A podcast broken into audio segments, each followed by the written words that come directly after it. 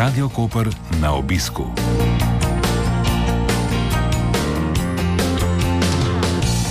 Tako je in ob 11. in 2 minuti gremo nazaj v planinski raj, je zapisal pesnik iz našega terenskega studia v Kobaridu, pa se nadejamo tudi nekaj odgovorov na moderno vprašanje, zakaj. Torej, kaj praviš, Zdenka?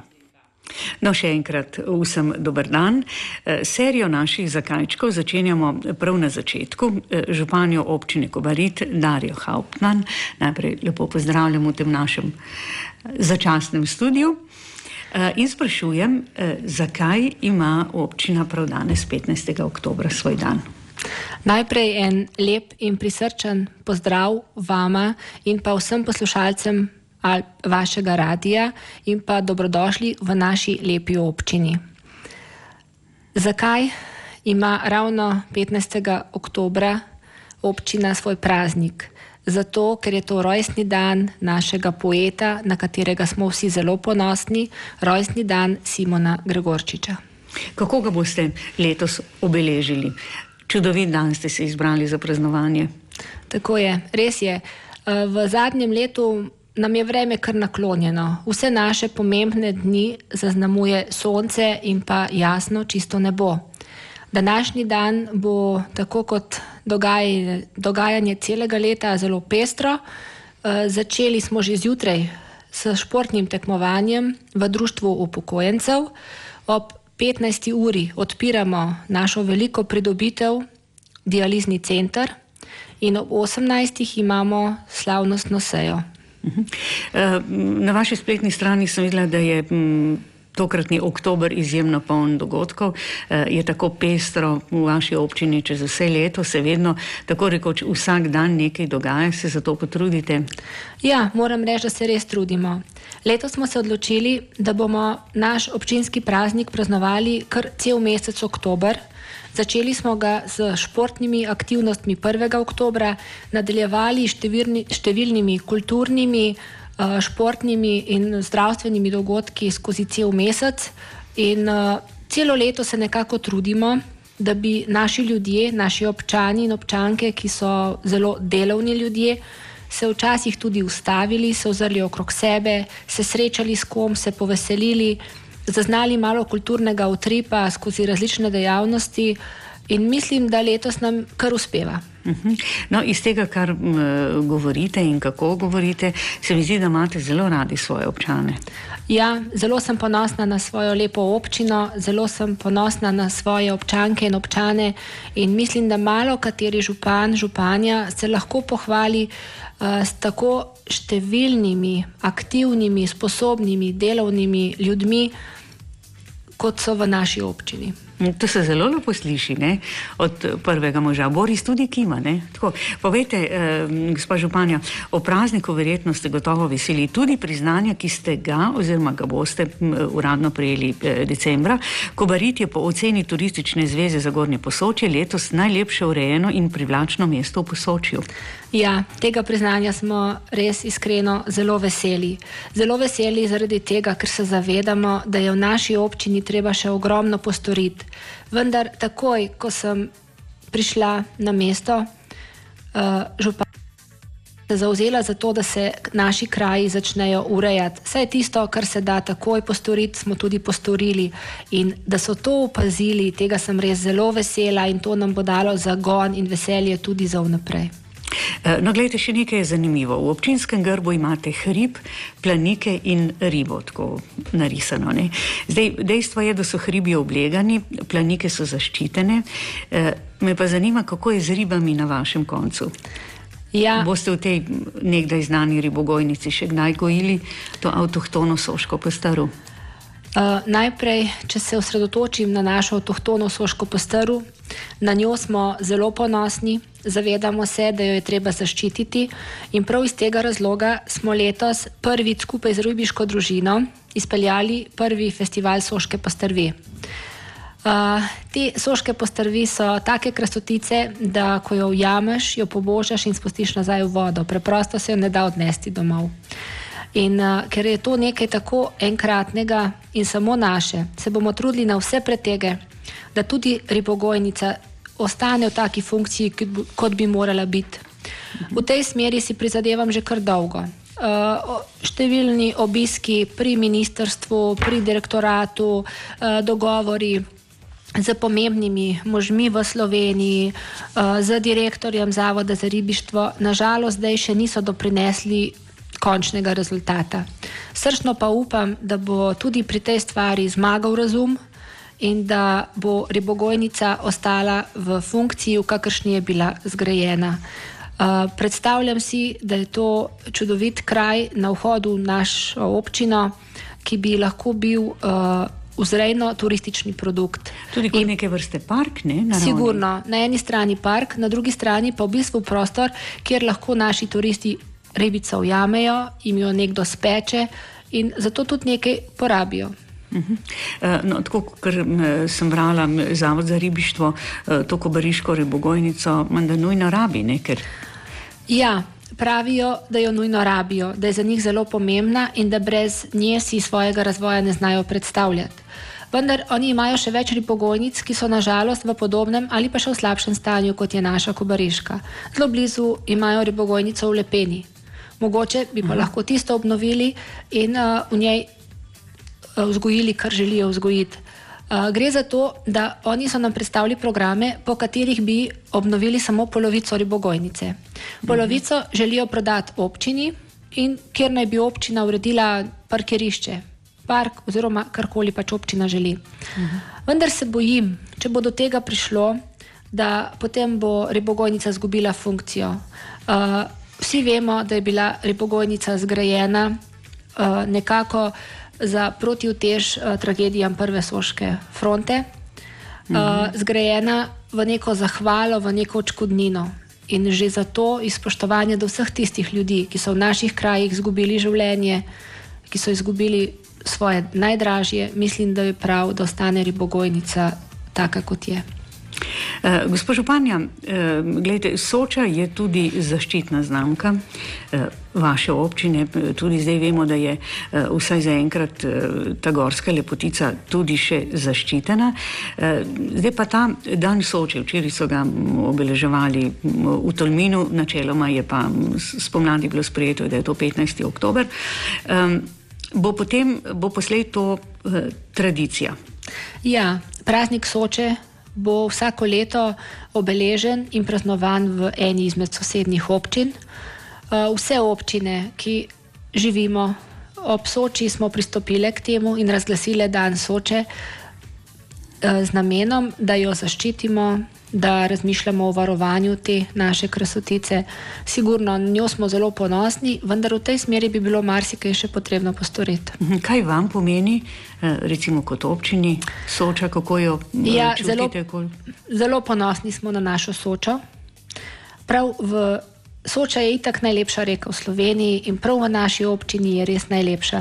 Od Trnovega do Otone je tisti biser nad biseri. Uh -huh. Reka Soča je sama po sebi zelo lepa, veliko prispeva k sprostitvi, če se ob njej sprehajaš, če se ob njej usedeš, te prav očisti, in pa v naše kraje pripelje ogromno turistov. Tako da Soča je ena velika dragocenost naše občine. In zato je verjetno prav, da ostane takšna, kot je. Sigurno, Soča mora ostati taka, kot je in tudi bo ostala če bo po vaše, brez dvoma. Sigurno. Eh, gospod Županja, da ne pozabimo, čestitamo o prazniku in hvala za ta pogovor. Hvala lepa za voščila in hvala tudi vam. Za vaš obisk v naši občini in še enkrat dobrodošli vsi, ki si želite malo lepe zelene barve, lepo in čudovito sočo, lep pogled na gore, dobrodošli v naši lepi občini.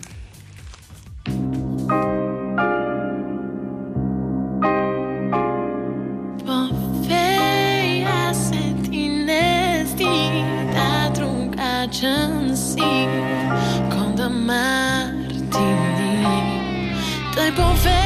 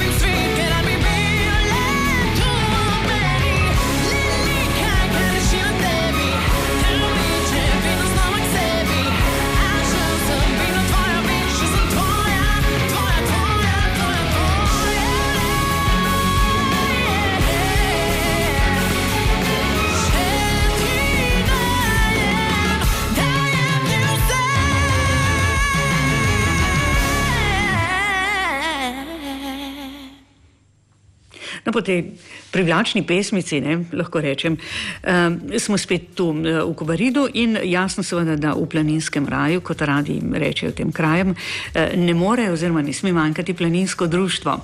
No, Kobariško je tako med tistimi, ki imajo verjetno enega zelo lepih, predvsem pa raznolikih in zanimivih revirjev. Zdravko Mrcola, predsednik, pozdravljeni.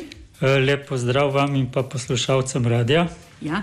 Uh, povejte mi, Kakšne so koordinate tega vašega planinskega raja?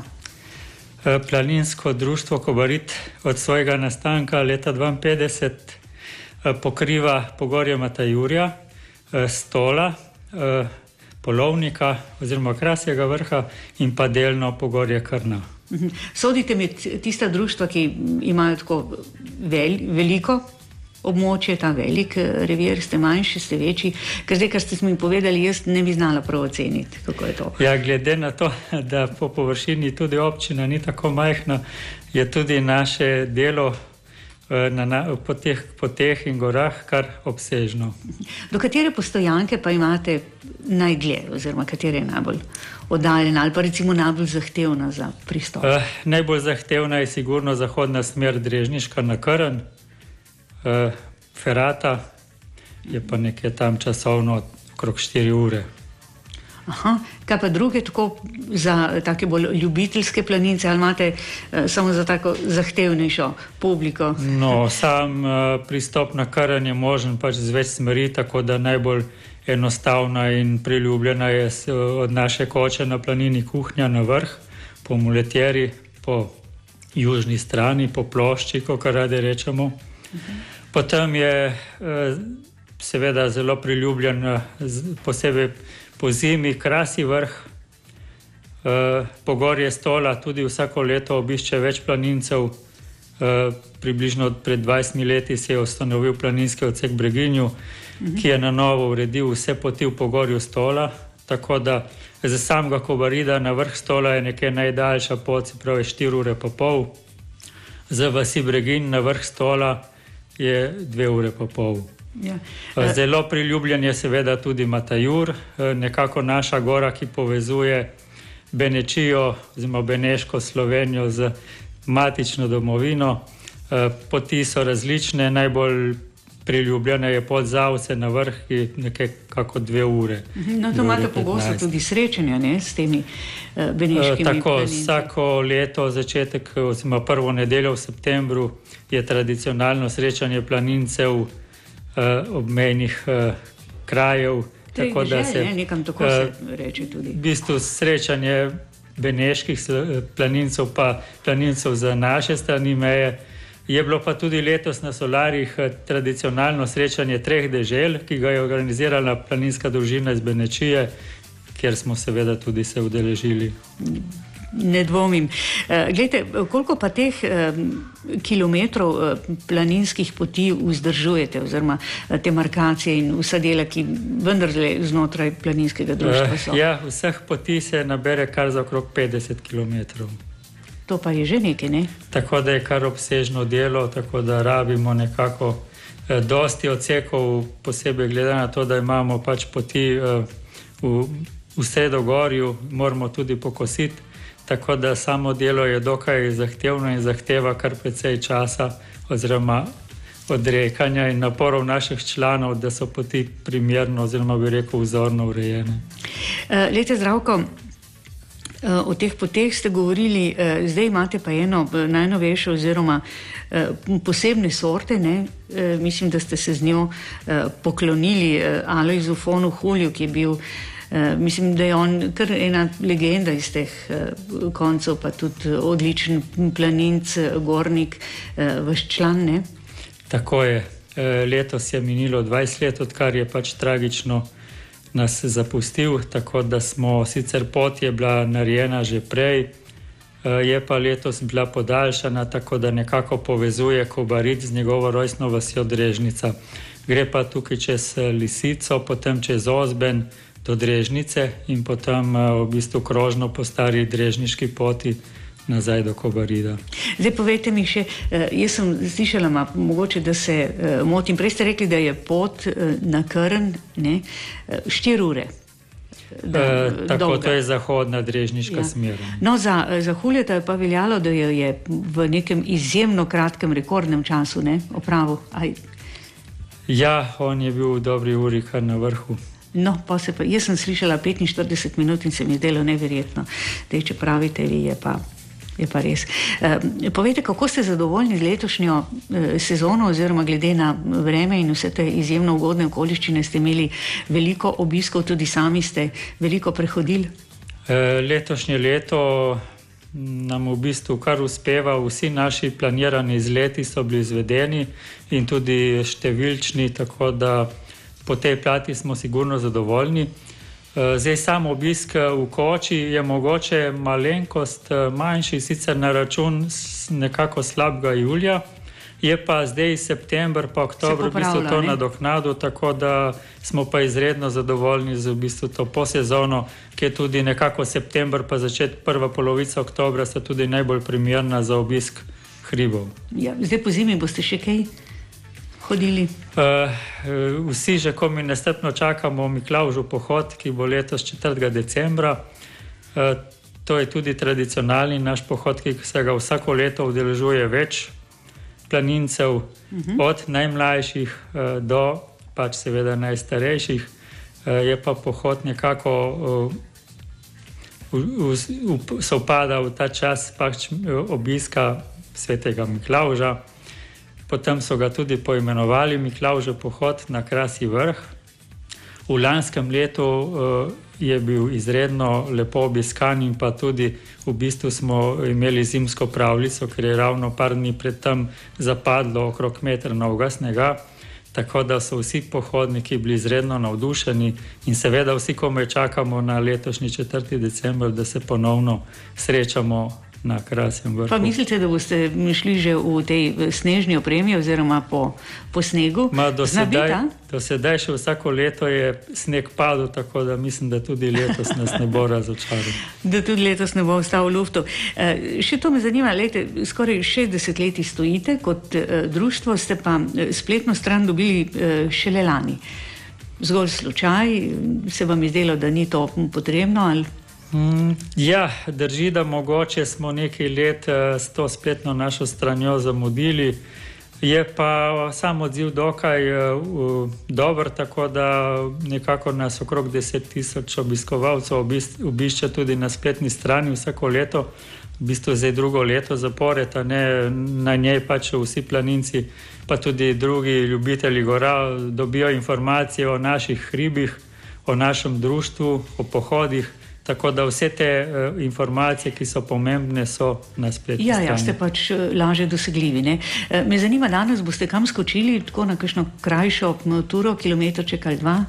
Uh, danes ne, ker me čaka delo doma, jutri je pa uh, srečanje v Črnem vrhu z pač. Planinska družina Benečije prireja tradicionalno vsako leto, nekako v oktobru, pač Burnjak, letos bo to v Črnem vrhu, šli bomo pa z Štupce po stari poti do vasi Črni vrh.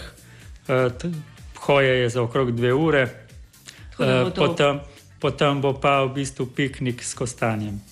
O, čudovito. Jaz upam, da imate debele kostanje, sicer letos govorijo, da, da jih je bolj malo, oziroma da so bolj, bolj skromni. No. No, običajno je v nadiških dolinah kostanja zmeri dovolj, tako da tudi letos ne bomo brez. Okay. Um, no, zdaj bi bilo, zdravko, hvala lepa za pogovor. Mogoče bi bilo zdaj na mestu, da zavrtimo neko kekčevo pesem. Ne?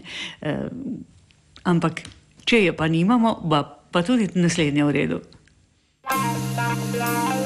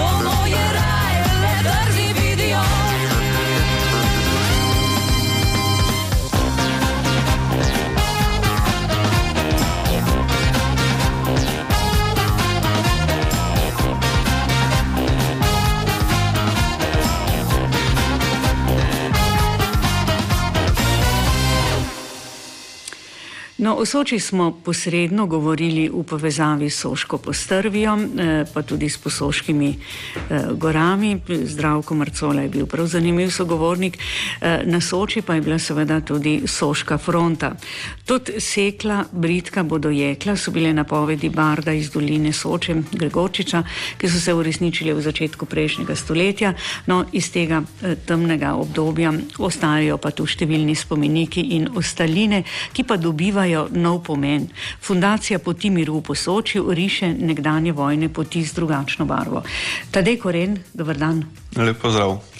Eh, pri vas gostujemo, hvala, ker ste bili tako prijazni. Eh, tale fundacija Poti miru pa je nastala iz spomina na preteklost. Ne?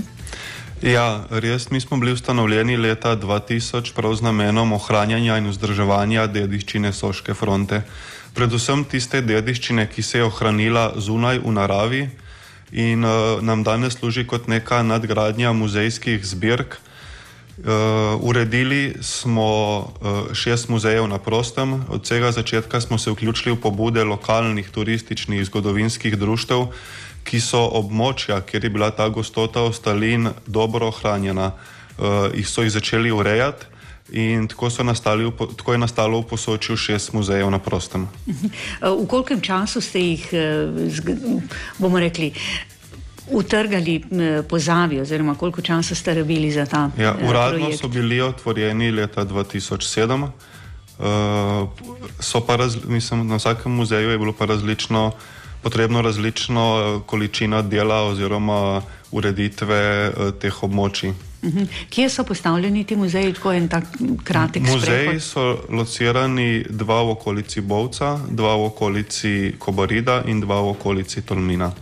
Gledali smo, da so tudi dostop, kar se da uh, preprost, da so dosegljivi, da služijo tudi kot uh, lepe sprehajalne in poučne ture. Tako da, uh, bom rekel, služijo svojemu namenu, še posebno z pobudo, ko se je vse te muzeje povezalo v Potmiru. Uh mhm. -huh. In uh, namen Potmiru pa je, da v zgornjem posočju vso to dediščino Soške fronte, ki se je ohranila zunaj naravi, uh, poveže in enotno predstavlja tudi nozven. Uh mhm. -huh. A se vse te poti začenjajo tu, uh, vizavi v Kobariškem muzeju, ali so druga izhodišča? Ne, izhodišča so tudi druga. Uh, res pa je, da se trudimo k temu, da je neka rdeča nit, ki vse to povezuje. Mhm. Kako so pa obiskane, oziroma kako so se prijele, zdaj je recimo štiri leta, kar, kar so, oziroma kar, kar je znano, da, da jih je moč uporabiti? Uh, mi smo z obiskom zadovoljni, moram reči, da je odziv obiskovalcev pozitiven, predvsem v luči tega, da obiščejo avtentične lokacije da uh, si lažje tudi predstavljajo in uživijo v, bomo rekel, zgodovino, ki se je dogajala pred skoraj stotimi leti.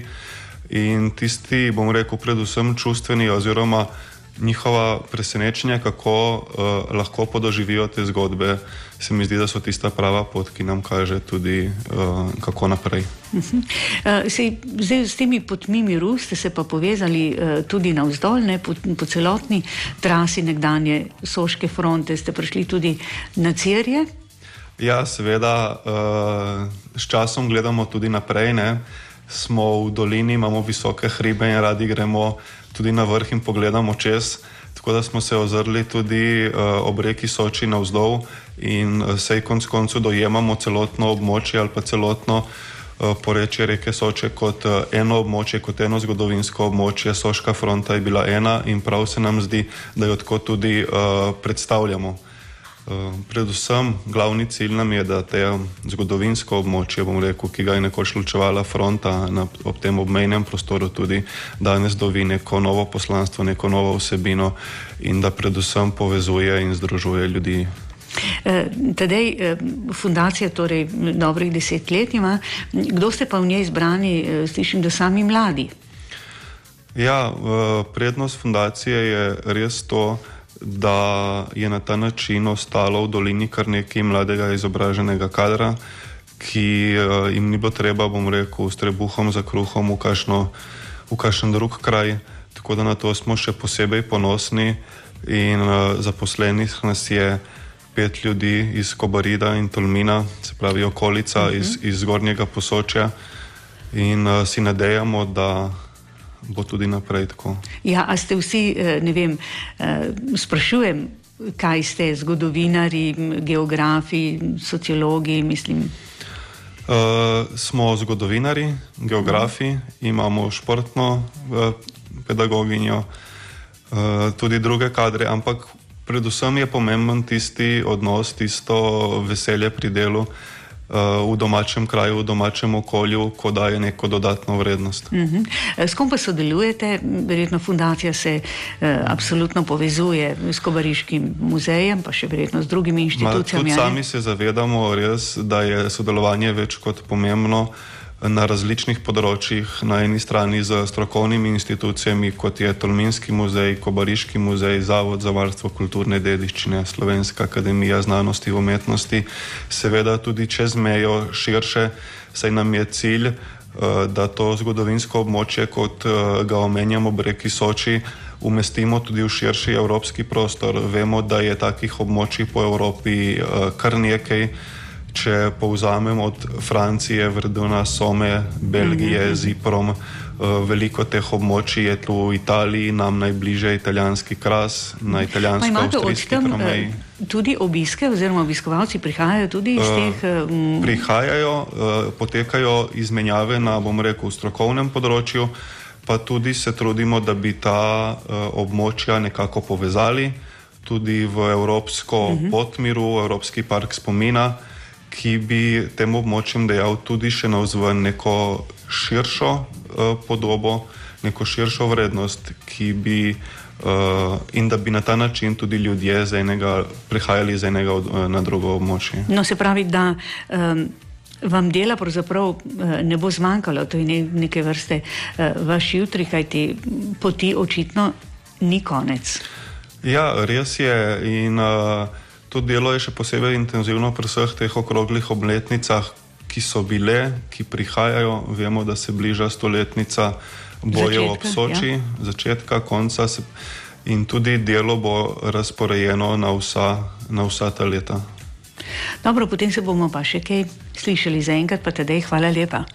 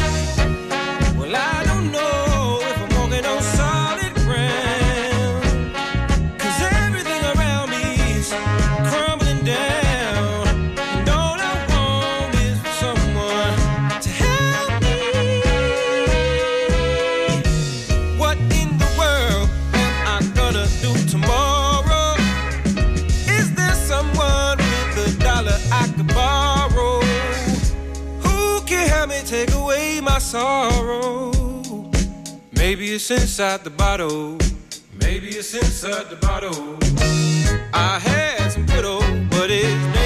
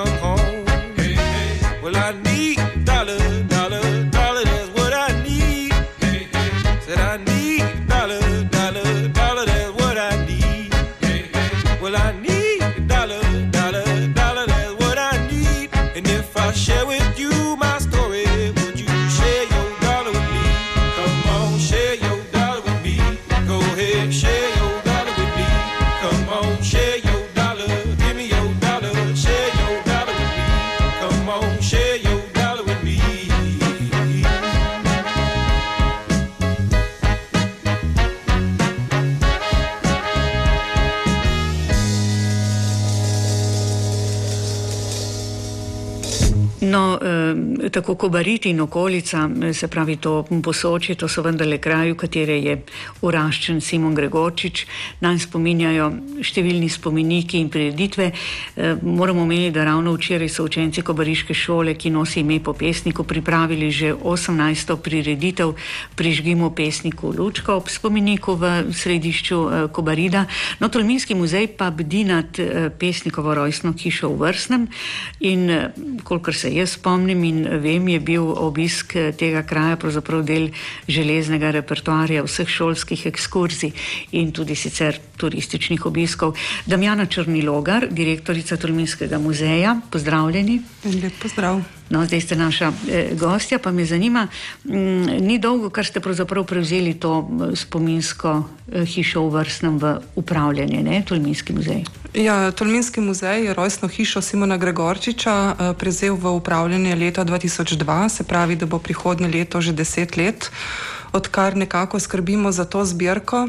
Uh, v tem času smo na tem objektu marsikaj že postorili. Uh, vsekakor je potrebno izpostaviti leto 2006, uh, ko je bilo tudi sicer uh, jubilejno leto.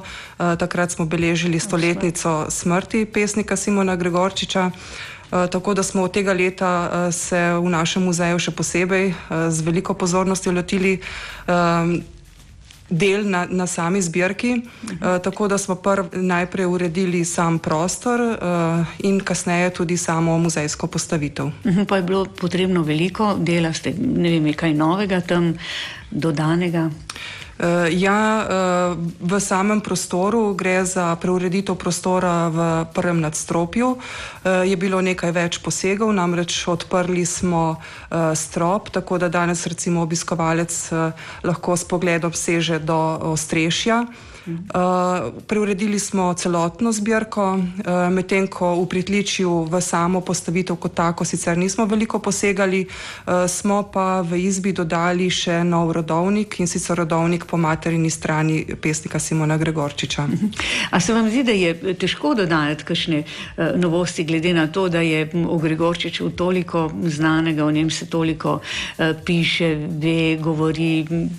M, jaz ne vem. Uh, ja, kar se tiče uh, vedenja o samem pesniku Simonu Gregorčiču za časa njegovega življenja, njegovih uh, izdanih poezij, je to vsekakor težje. Ja. Uh, je pa kar nekaj bilo uh, za dodati uh, po, uh, glede dogodkov po pesnikovi smrti, namreč. Uh, Pesnik Simon Gregorčič je vsekakor upet v ta prostor, ne samo lahko rečem tukaj lokalno, ampak eh, širše, predvsem na primorskem, vsekakor. Uh -huh. uh, tako da se še zlasti ob uh, teh uh, jubilejnih letih zvrsti vrsta dogodkov, tako da smo tudi na sami razstavi želeli opozoriti tudi na dogodke po pesnikovi smrti, tudi od leta 66 naprej, ko je dejansko ta prva postavitev na tej rojstni hiši bila postavljena. Uh -huh. uh, imate stike, pesnikova daljna sorodnica je še živa, ne? Ja, uh, nas, moram povedati, da v bistvu letos poteka tudi, je preteklo že 20 let, odkar so to nekako skrbništvo na to zbirko prevzeli prav sorodniki, uh -huh. uh, nekako prevzeli od uh, gospe Jožefe, ki je prav tako vse od postavitve te prve spominske sobe, najprej je bila leta 1951 postavljena spominska soba uh, in ona skrbela do leta 1991. Uh, od leta 1991 pa uh, nekako bdita na to zbirko tudi gospod Pavle Gregorčič in njegova žena Rida Gregorčič, tako da vsekakor se ob tej priložnosti želim jim tudi na ta način zahvaliti za njihovo prispevek. Nedvomno je to velikega pomena, uh, namreč nekdo, ki je nekako v sorodu ja, s tem pesnikom, ima vsekakor uh, en občutek uh, do te dediščine in mislim, da tudi uh, prav lepo predstavljajo to zbirko na vzven. Ja. Uh, gospod Črnilogar, kako je pa obiskana? Ta točka je še vedno, uh, kot sem prej rekla, del železnega repertoarja oziroma obvezna točka. Ja, odkar pač naš muzej spremlja ta obisk, eh, kot že rečeno, od leta 2002, eh, nekako vsako leto v poprečju obiš, obišče to zbirko okrog 3000 eh, obiskovalcev, s tem, da seveda izstopa leto 2006 in tudi leto kasneje 2007, prav zaradi te obletnice, ko je to zbirko obiskalo preko 4300 obiskovalcev. V času šole vsekakor prevladujejo bolj šolske skupine skupine.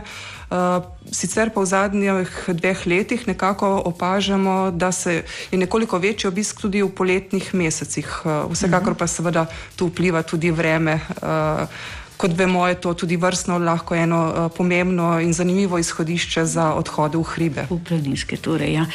me zanima, boste še kaj postorili v tej hiši v vrsti? Uh, ja, v tej zbirki imamo še nekaj načrtov. Eh, namreč uh, zanimivo je, da uh, ta zbirka nekako veže nas, uh, tudi uh, povezuje nekako tudi ljudi, uh, ki nekako uh, imajo v mislih pesnika Simona Gregorčiča, tako da se je skozi desetletja nekako nabralo kar nekaj uh, del, ki so bila podarjena. Prav z namenom, da bi bila predstavljena uh, na sami zbirki oziroma v rojstni hiši. Eh, tako smo recimo leta 2009 pridobili eno tako pomembno uh, donacijo, gre za sliko avtorja Antona Čeha in danes krasi že uh, to zbirko. Seveda vseh del na samem razstavnem uh, um, v razstavi pač ni moč prikazati, ker je pač eh, hiša majhna oziroma mhm, prostori mhm. so majhni. Tako da želimo nekako pripraviti en manjši prostor, uh, nekako kot depo, ampak depo odprtega tipa, kjer bi bile vsa ta dela uh, možno tudi si pogledati. V kratkem. Eh, to nekako eh, predvidevamo, da bi to zaključili še v tem, v tem letu, seveda nekako po zaključku oktobra meseca, ker kot vemo, je to občinski praznik, tudi vezan na Simona Gregorčiča, ja. zato želimo, da ne bi bilo uh, čim manj. Um, ko se obiskovalce ja. umirijo, ja. no, tako da boste imeli ja. uh, mir za obdelavo. Uh, Damjana Črnilogar, hvala lepa za uh, podatke in za obisk v našem uh, studiu. Uh, preden se selimo oziroma preselimo k mladim, pa uh, prosimo seveda za glasbo.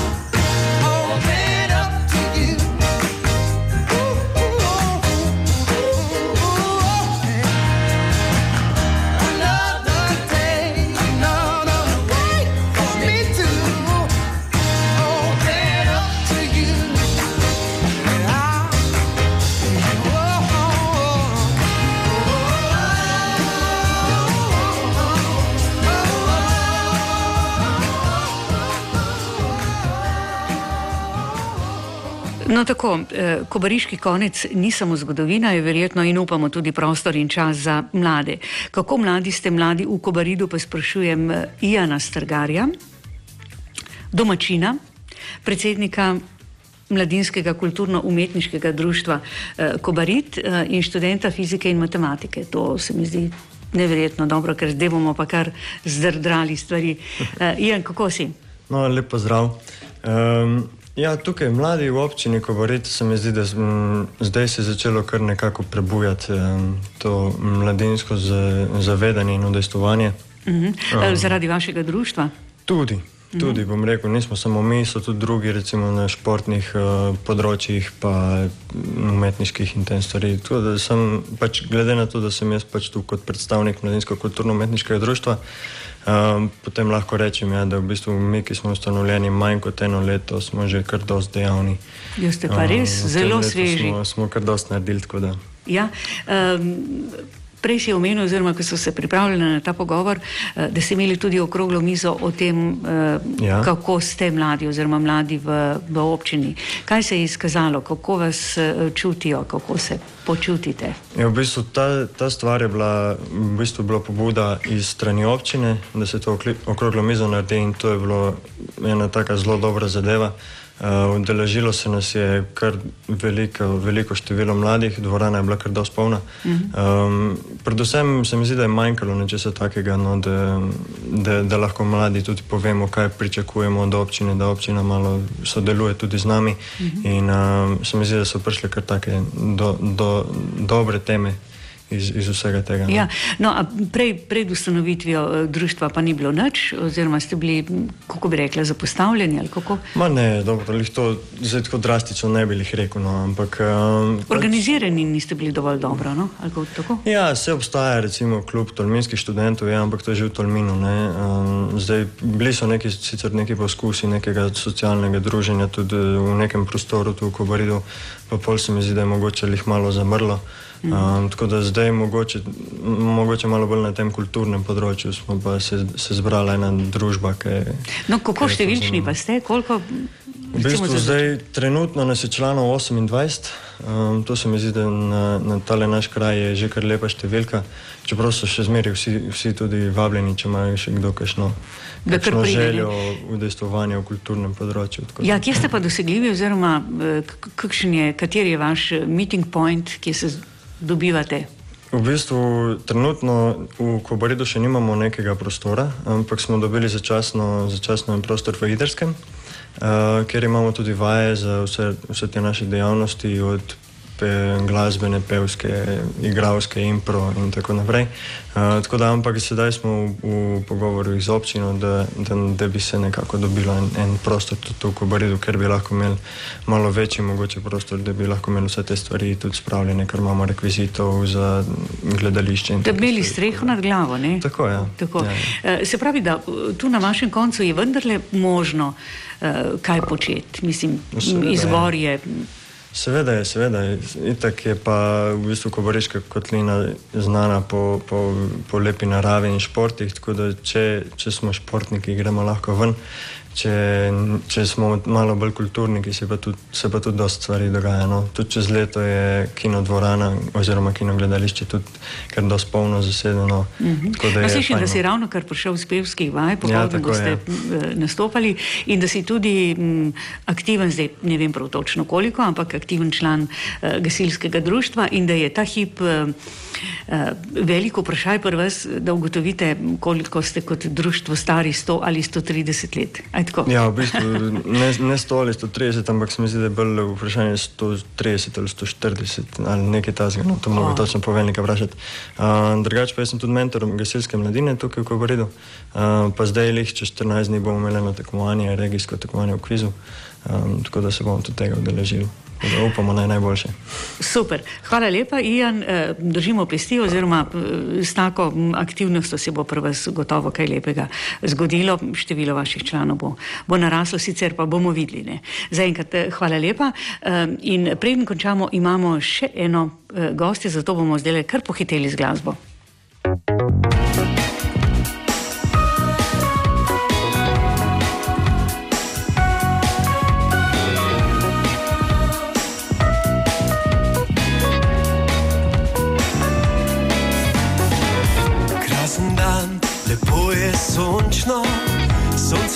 Boža vse mogočno.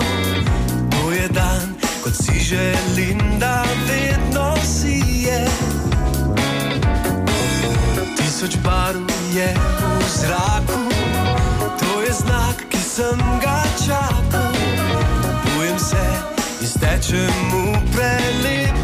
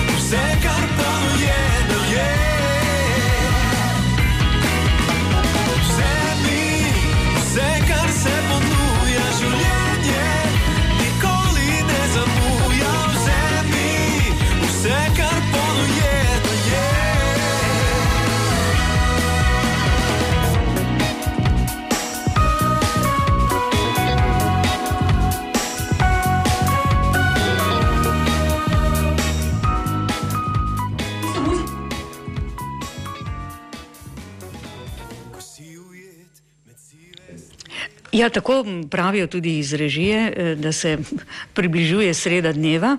Eh, Mi se bomo pa prvoči še nekaj prijaznega eh, z kulinaričnega področja. Pred kratkim je namreč eh, išla knjiga Jedino Kobariškem avtorice Božice Špola Džubar, eh, ki je sicer slavistka na Kobariški šoli, zdaj pa z nami. Dobar dan. E, Dobar dan, želim gospa. Najprej Ja. vas prav lepo pozdravljam. Rada bi vas pa že čisto na začetku popravila glede avtorstva knjige Edina Kobariškem. E, Knjigo smo izdali v soavtorstvu s kolegico, prav tako učiteljico na šoli, gospod Marijo Benko. No, super, v dvoje je lažje, verjetno. Tako. Eh, Kaj ste pa ugotovili ali drugače? Eh, Koliko jedi na tem koncu ostaja še aktualnih ali koliko so jih ljudje pozabili?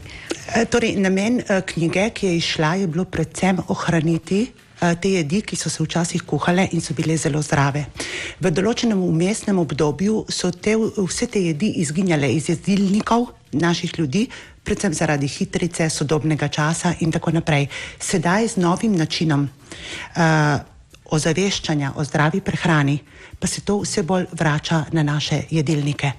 In uh, tukaj gre pravzaprav za vsakodnevne preproste jedi, ki so pripravljeni z doma, predvsem doma pridelano hrano na zdrav način in dovolim si reči tudi z veliko ljubeznijo. Mhm. Pa so zelo zapleteni, komplicirani eh, recepti, ne? ne, to so pravzaprav uh, vsakdanje jedi. Zelo enostavne za pripravo, tudi časovno. Uh, kot sem pa že rekla, iz takih mat, uh, pripomočkov in vsem, kar imamo ljudje doma. Tako. Um, recimo, kako ste pa zbirali recepte ali pa koliko ste jih pa zbrali? Kako je debela ta? Ja, uh, to je ta knjiga. O, Eh, knjiga, Naši kar poslušalci jo ne vidijo, 200 strani ima. Ja. Eh, V njej je tudi zbrano zelo veliko število receptov, zdaj na pamet ne vem, ampak mislim, da jih je preko 200. Pa ste hodili od hiše do hiše? Ja, pri, to je, tukaj gre za raziskovalno delo, eh, na terenu se je to dogajalo. Sodelovali so učenci naše šole v Kobaridu, osnovne šole Simona Gregorčiča eh, v Kobaridu in še eh, več kot 100 različnih informatorjev na terenu. Eh, Dobili smo seznam jedi, ki se pripravljajo. kako Povejte mi najbolj značilno. Ja, mogoče pa polenta. To je pa res enostavno, to pa še mi znamo narediti. Ne?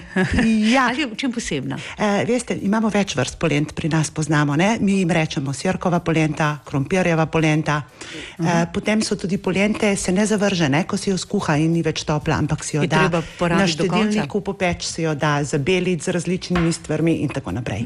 Kaj pa ti kobariški štrukli, ni to Ja, ena to je posebnost? vsekakor, to pa je specialiteta kobariški štrukli. Zahtevna, E, ne?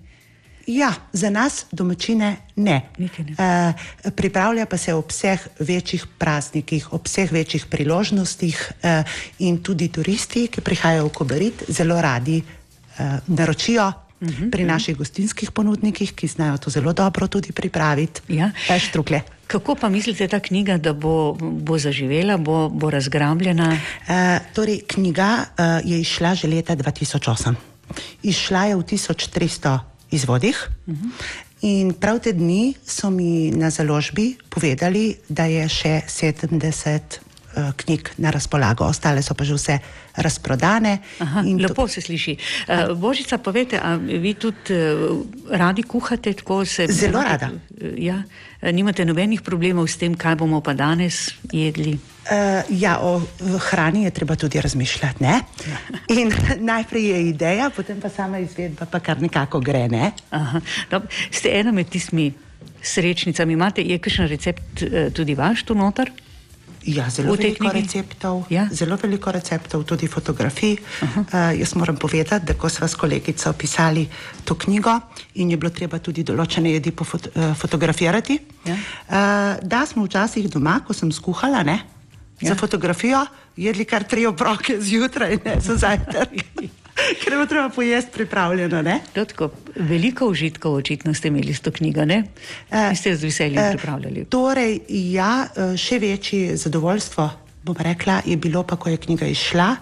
Uh, sodelovanje vseh, ki so pomagali pri samem izidu, moralno, finančno, mhm. in tudi kasneje sama knjiga, kako se torej, je zaživela med ljudmi v ja. kraju, to mi je pa veliko veselje. Ja.